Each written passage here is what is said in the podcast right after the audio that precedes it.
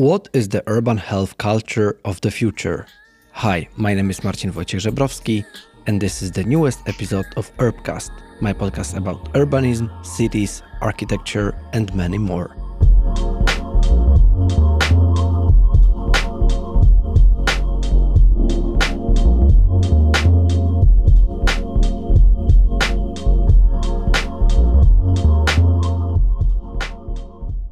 I am extremely excited to invite you to the newest conversation in Urbcast, which will be together with Helle Juul, who is the renowned architect from Denmark. Dr. Helle Juul is the founding partner of Juul and Frost Arkitekter from Denmark, from Copenhagen, and also the vice president and member of governing board INTA International Urban Development Association. In our conversation today, we will talk about the urban health culture of the future, which is a research and development project that was carried out by Juul Frost Architects in the close collaboration with an interdisciplinary think tank and with Holbæk Municipality and Albert Municipality as project partners. Since a long time running this podcast, I'm emphasizing the key importance of interdisciplinary approach to design. It is so important for innovation, but also in general, it is so important to bridge the research and design disciplines so they supplement each other and then we are able to design healthier cities, the one that respond to uh, the real needs and problems of people living in them. And we will talk with Helle about how to ensure the connection between health and planning. Even though both me and uh, Helle are living in Copenhagen.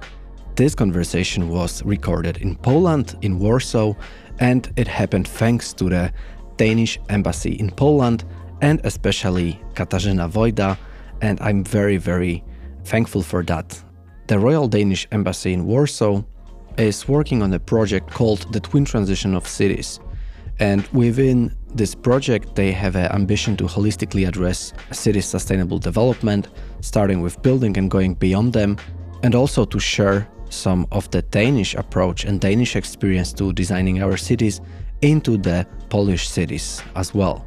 Probably you will hear more about this project in this podcast, but for now, I wanted to invite you to the newest uh, conversation with Juul, in which we'll talk about the urban health culture of the future.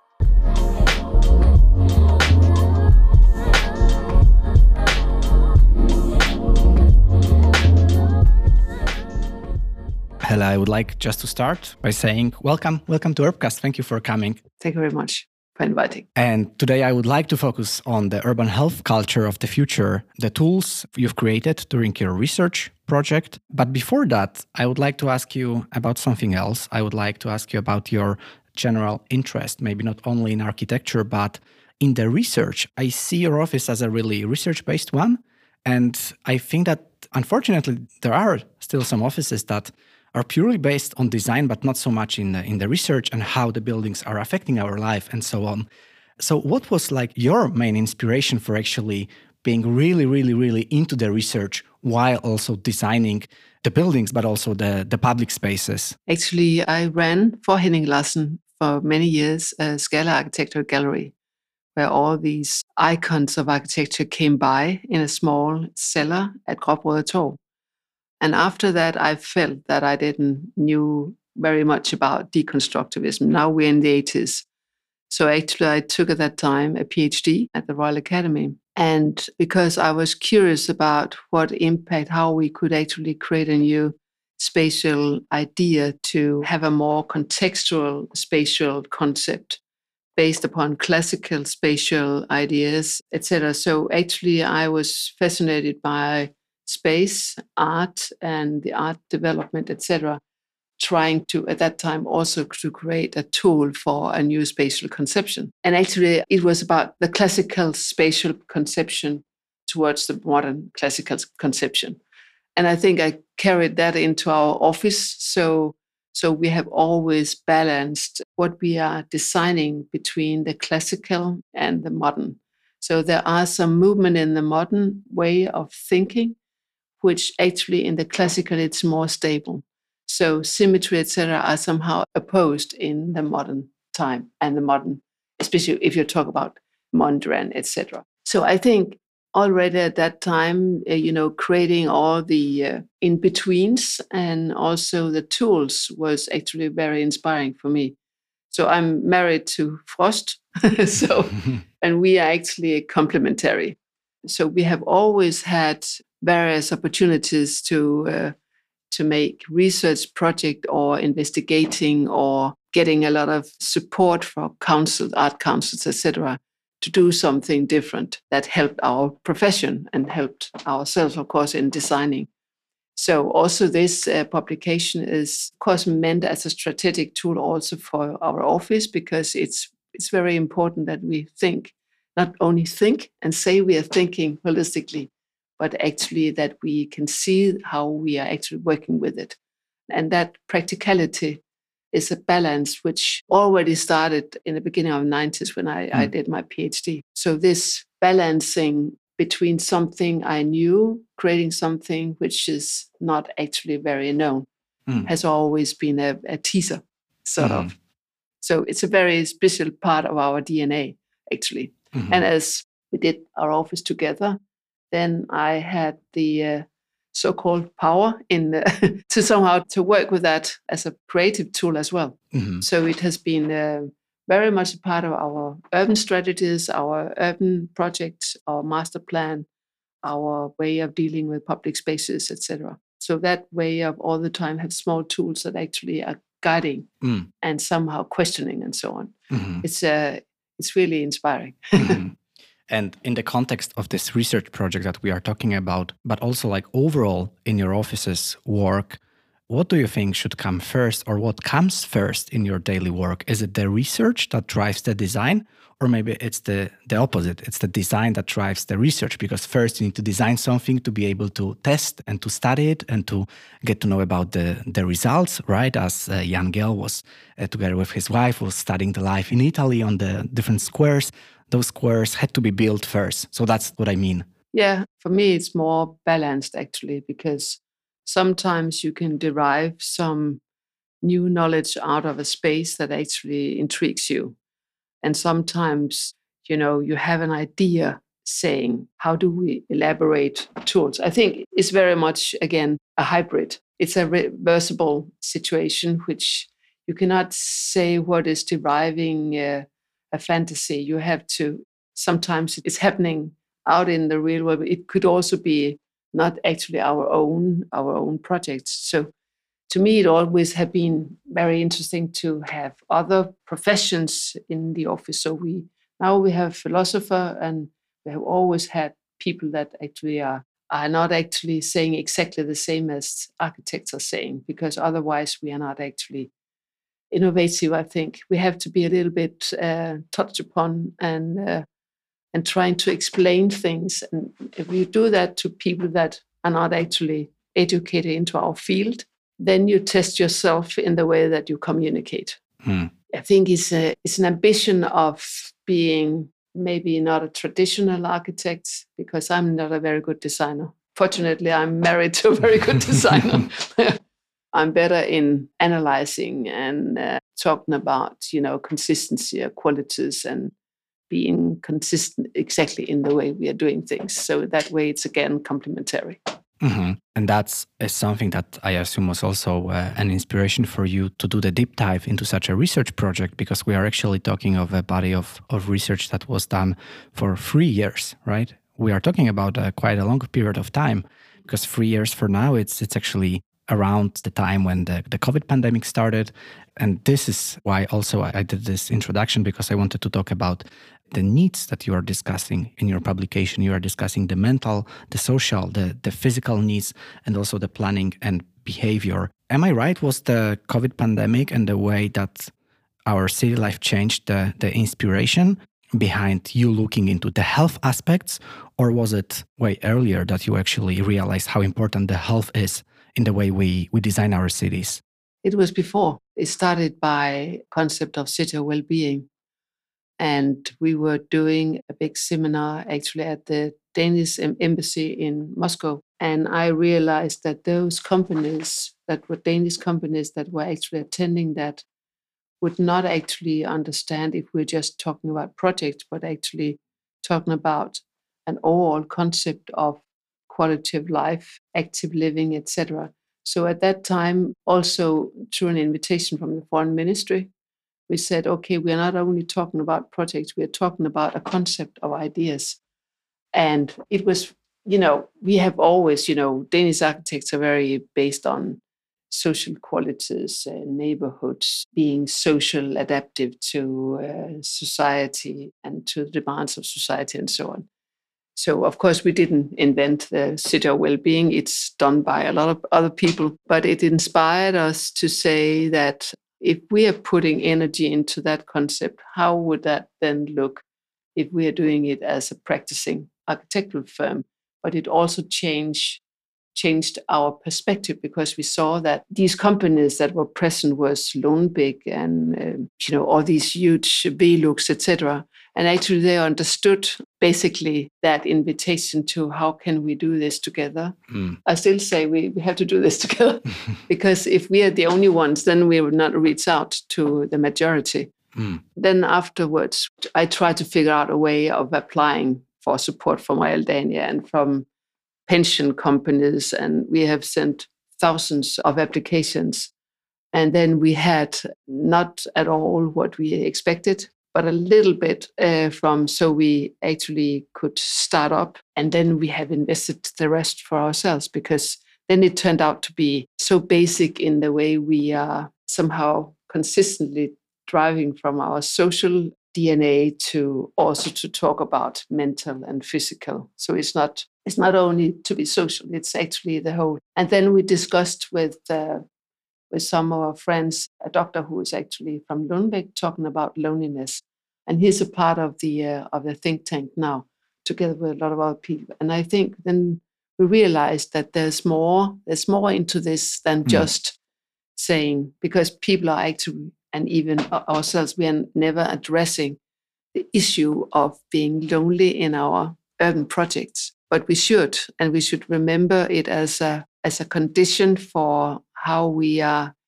future securing the social life of the inhabitants of uh, of our building areas, housing areas, etc.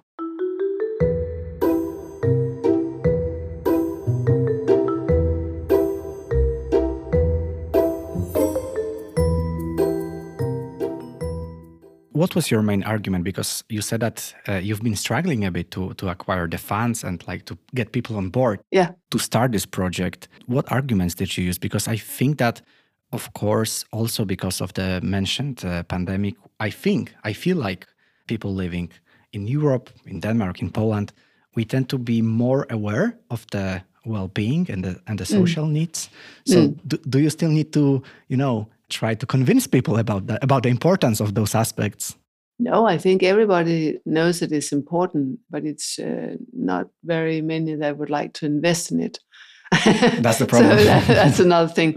No, and I think also it was very it's very important all the time to stress that we started in April 2019 just to uh, line this idea up because there's so many projects which are derived out of the pandemic and I, I really think that this is a little bit pathetic that we only are thinking about health and well-being but because we have had a pandemic. Mm. I think it's important to say we we have to think it about it all the time. It's not because there is something coming in, even though that now we are also in a crisis. So now we are cutting out our lights and so on. We should do that in a long time before.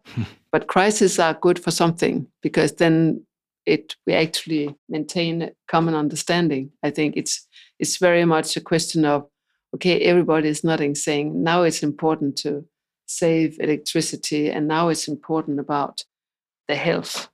Uh, we have huge developers that actually are now are saying, okay, how can we apply this to an urban area so that this is the profile for people that are moving in.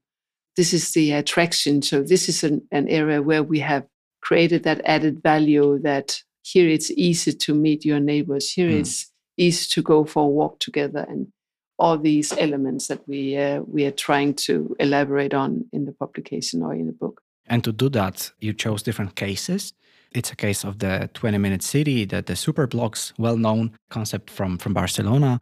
There is also the Gillette Square and Vapnagaard Urban Gardens.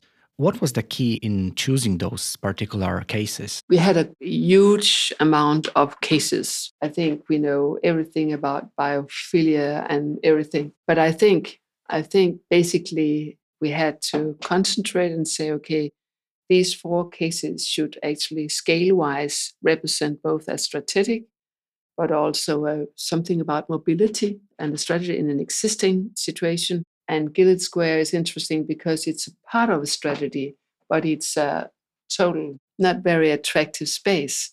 And Vapnagaard uh, is that, you know, everybody knows uh, Byhaver, you know, uh, gardens in, and, and we have done that for 15 years. But I think they add a little more extra because I looked into a video and a YouTube video, and I think there's a lot of layers of small invitations from people living in this, and also the uh, consequence that actually people that hates to live in this ghetto area, but finally they say, okay, we will stay here. And I mm. think that process of hate an area, but because you are actually getting to know the people and you feel obliged to help them out and so on. And there is, of course, there are some uh, people that are driving forces. And I think a driving force in an area is also incredibly important.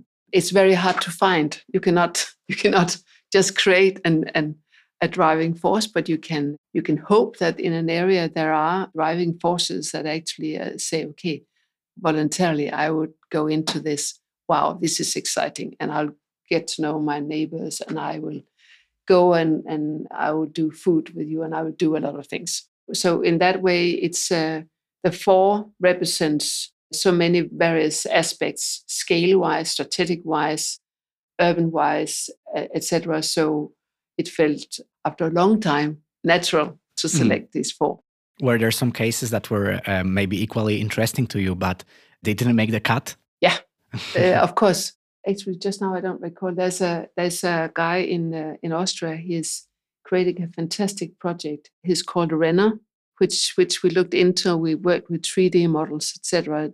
You know, trying to you and present the uh, you know the changes I think also the biophilic, uh, you know, the high rise, the green high rises from Milan. This office is um, is incredibly interesting because they are actually creating a manifest, and through that they are doing things so much different. But you know, that's something we can apply. You know, as soon as you have a client that say, okay, we could do this and this, or we could have an article writing about biophilia also this certification thing that one of the guys today talked about.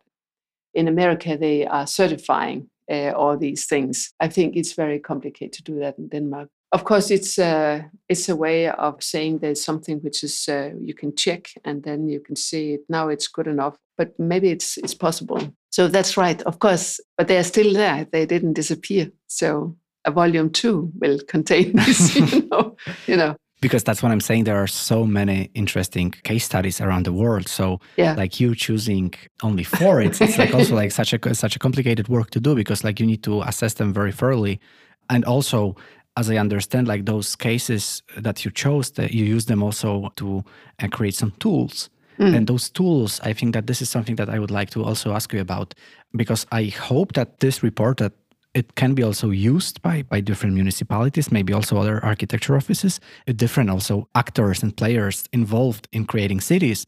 So those tools, the multidisciplinary, the holistic and strategic planning tools that you created, how can someone reading this this report, how can they use them? Uh, we can just mention some of them. They are the equal opportunities for well-being or demand co-creation or using urban nature as, as, as an active resource. So how did you try to translate those into like a real action and what those actions could be? The whole process of how we got to there, they have also been named differently. it's we derived from the cases, from theories, from uh, the think tanks' contribution. We actually derived from each of them, and then we puzzle them together. And and I think, for instance, um, equality is a very complicated issue. We have Morten Klücker, who is a professor at Syddansk University. He's actually head of the um, of uh, Sundhedsprofilen health profile, and he's talking about, uh, of course, what they do, but also equality, because actually there are people that are not able to choose where they live, so they might live in places where you know the air pollution is more is more present. But I think if we, as uh, architects, planners, and municipalities, are somehow thinking about it, just as a not as a condition, but as an inspiration to, if we do this and this, or if we create a deeper pavement, then we get a distance to traffic, or I think just a consciousness. So I believe that's actually the intention is that we that other offices, municipalities, etc., etc., clients, etc., of course, we would like them to ask us to, to, to help them. On the other hand, of course, they can be inspired and they can say, okay, we never, we never actually really went into that discussion. Maybe we should do that in this and this area. Because I think what is the potential of these tools is that you can pick three of them and then you can say, okay, these are very important in this area because here we are lacking this and this and this. Or if we say you are in a process, okay, maybe you should ask some uh, researchers because they know a lot of facts. And I think it has been incredible, valuable for us in this process because they have been so active, they have been present, and and I didn't pay them very much. So because I, th- I think these facts that researchers are really working with is what we can convince our clients. Mm. Because as soon as we know that four out of 10 are not actually physically active or 17% are uh, lonely and etc etc as soon as you have these numbers then this evidence is, mo- much more powerful actually and i think as we talked with uh, another in as architects, we're not trained to mm. say to work with numbers. We we think that actually, okay, they can see it's better, but actually, that's not how the world is working now. I think that the world have to have facts to be able to react. So that's a consequence of that type of world we're living in. Mm. And I think also it's uh, it's also giving another thought uh, that it's not only a question of saying, oh, we like that better. it's actually quite important that we, we have some numbers. And, and I think also when we are talking about our approach to this, using this health profile to know and to map an area with how many unemployed, how is edu- education level, how many are smoking, how many are drinking, how, how many are living in rented areas, uh, uh, rented housing, and so on. You know, this knowledge is not a basic knowledge when we normally are, are doing a master plan or doing an urban area. I think that knowledge actually gives us another insight, and that's very easy for anyone else to use, of course. But actually, to go that way and say, this area has this uh, social profile so when we can see that, then you also know which buttons, which needs mm. you have to. So it, this is a reaction on the living quality of, of, of, the individual and the people. And I think I like that, that idea that we are reacting on reality and not because we think it could be nice.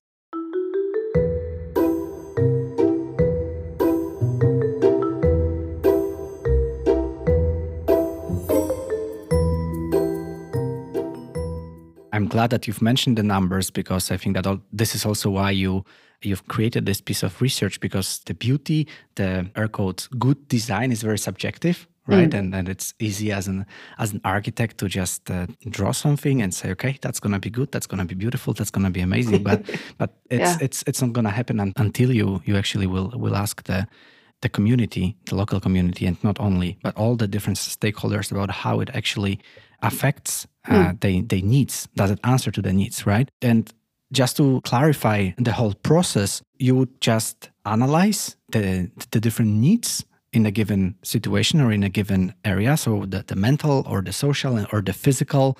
Then you would apply some tools.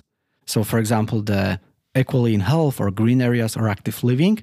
And then that would develop into planning uh, like a composition, which would result into a, a, given behavior that would improve the situation. Is that how this matrix could be applied? Yeah, but it, it's not just that we, because I think everything uh, also with a client is a dialogue. Mm. So, so actually, of course, this has has to be equivalent to, for instance, uh, a company profile or or a municipality. Maybe they have an architecture policy which actually says this and this and this so, actually, what is a priority for them? So, you cannot do everything just like that, but you can actually give a priority to some uh, issues and then create maybe discussions or dialogues. And then this effect is unfortunately always coming a little too late. So you can say that in an area you can make temporary actions, which maybe within a short time can sort of change change the way of perceiving a specific area from very unsafe to ah, it's it's rather nice. You know, now uh, you know actually the lady with the interior showed it with green, but it has to be more than well-being. It has also to in an urban setting, it has to be also an an urban condition that actually goes in. So I think everything is is about now we created frame box and then, of course, it has to be, you know, massaged into a local area. Mm. And areas are different. And I think that's uh, the precondition because it's different if you, it's uh, north of Copenhagen or it's uh, north of Esbjerg or, you know, various places or in um, Rosengården, which is a ghetto area in Malmö where mm. we have some discussions. So, of course, the identity and the DNA of an area and that combination of people is deriving also a consciousness. And then you have to give a priority to these uh, tools, how you can actually, so you all the time have a new way of doing it if you cannot actually create something which you think is wow.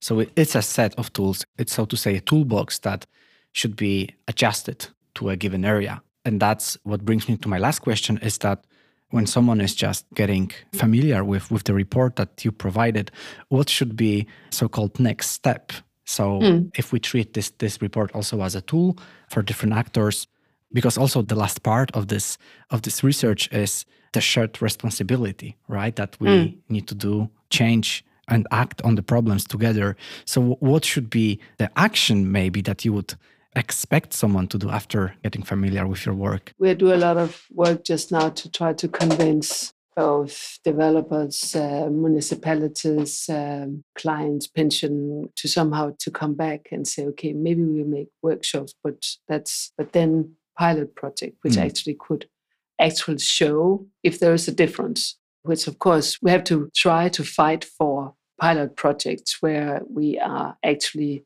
able to show that is before and after. Mm. And it could be very, very, it could be an intention and it could be like that. It can be worked out in many ways, but I think there's a lot of developers that actually doing exactly the same as cities. They're trying to create a profile that actually making them different from their colleagues into the so some of them actually are now saying okay we have some problems in areas we are actually working with our own health and we are not as far. So mm. maybe we can get inspired, maybe we can do something.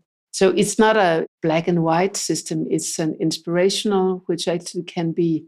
And of course, if a company would say, okay, we would like only to concentrate on active living and green, okay, but then you maybe should aware that actually maybe the green should adjust to mental or social health mm. So it can be underlined. So this is a priority. And I think we have to do that together. And that's why it's a shared responsibility as well. Because it's, uh, you cannot just go in and say, okay, now we're doing this and then we're home safe. I don't think it works like that. Mm. Now it's uh, the phase two is a lot of not cases, a lot of pilot project that shows now we are trying to change how we are thinking about planning. And do you know when can we expect uh, the first of those pilot projects, or it's still unknown? it's still unknown actually, but we actually did we actually did something called Pulsparken, which is in in Danish the pulse is uh, active, and where we throughout this process we worked with Syddansk University that actually they are asking for it's a use area very close to a new urban uh, housing area and they are asking for various pulses if it's a heart and running and walking etc so it's a park which uh, offers a lot of possibilities. Mm. and then we asked this uh, this guy from a think tank if, if there was a student that could actually go in verify the intention and then go in and say okay how are people actually using it now? We have the possibility of within i hope a short time to have some evidence on that but it's more a green area. But of course, it could also be interesting in an existing area where you actually think, okay, something is wrong here. We people are unsafe. We uh, actually we don't come down. We know a lot of people are not actually coming down and participating in daily social life. So what should be done? And it doesn't have to be very big physical things. I think we have to be uh, smart and do it in a in a more light way so that it's uh, it's also a, a, toolbox that it could be just a you know a mental change sometimes mm. you know okay a very a very gentle shift yeah so to yeah. say giving the yeah. as soon as it there is a change i think we should be happy because small steps are also quite important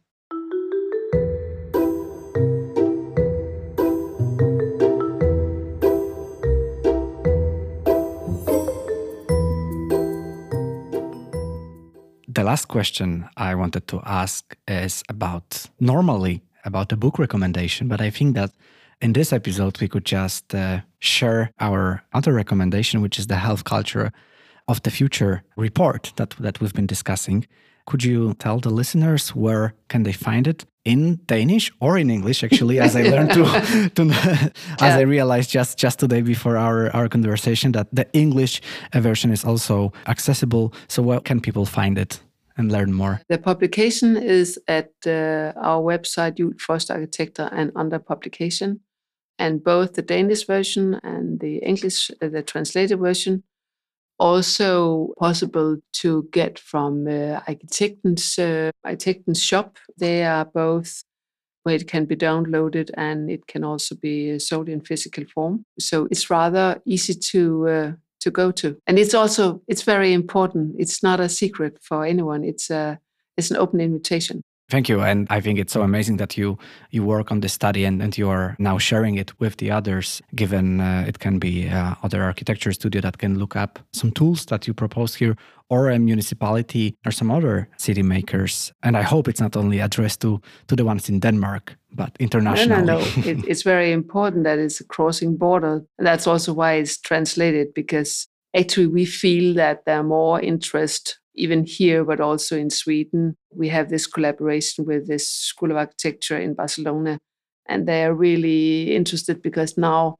they see we are complementary in a way, mm. and it, it's very inspiring that people are actually somehow reacting. Yeah. But it's recently that it was translated, so uh, they have to figure out now. Helle, thank you for sharing all the background behind uh, this uh, publication. And I assume it's not the last one. I hope not probably you will work on more. You also uh, announced there will be the second part. so I'm looking forward to that. And so far, I wanted to, to, thank you so much for sharing all the, the story behind it. Thank you. Thank you very much for inviting me. Thank Thanks. you. Pleasure.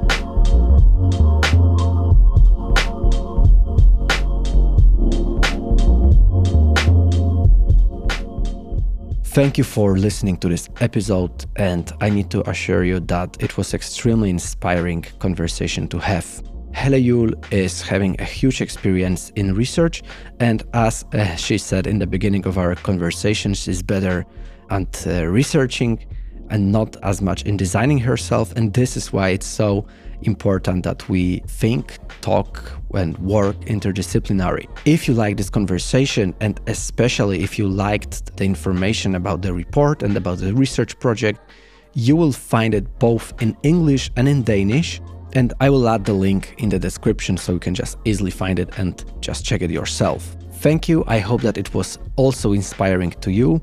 One more time, thank you very much to the Royal Danish Embassy in Poland to Katarzyna Wojda, and I will talk to you soon.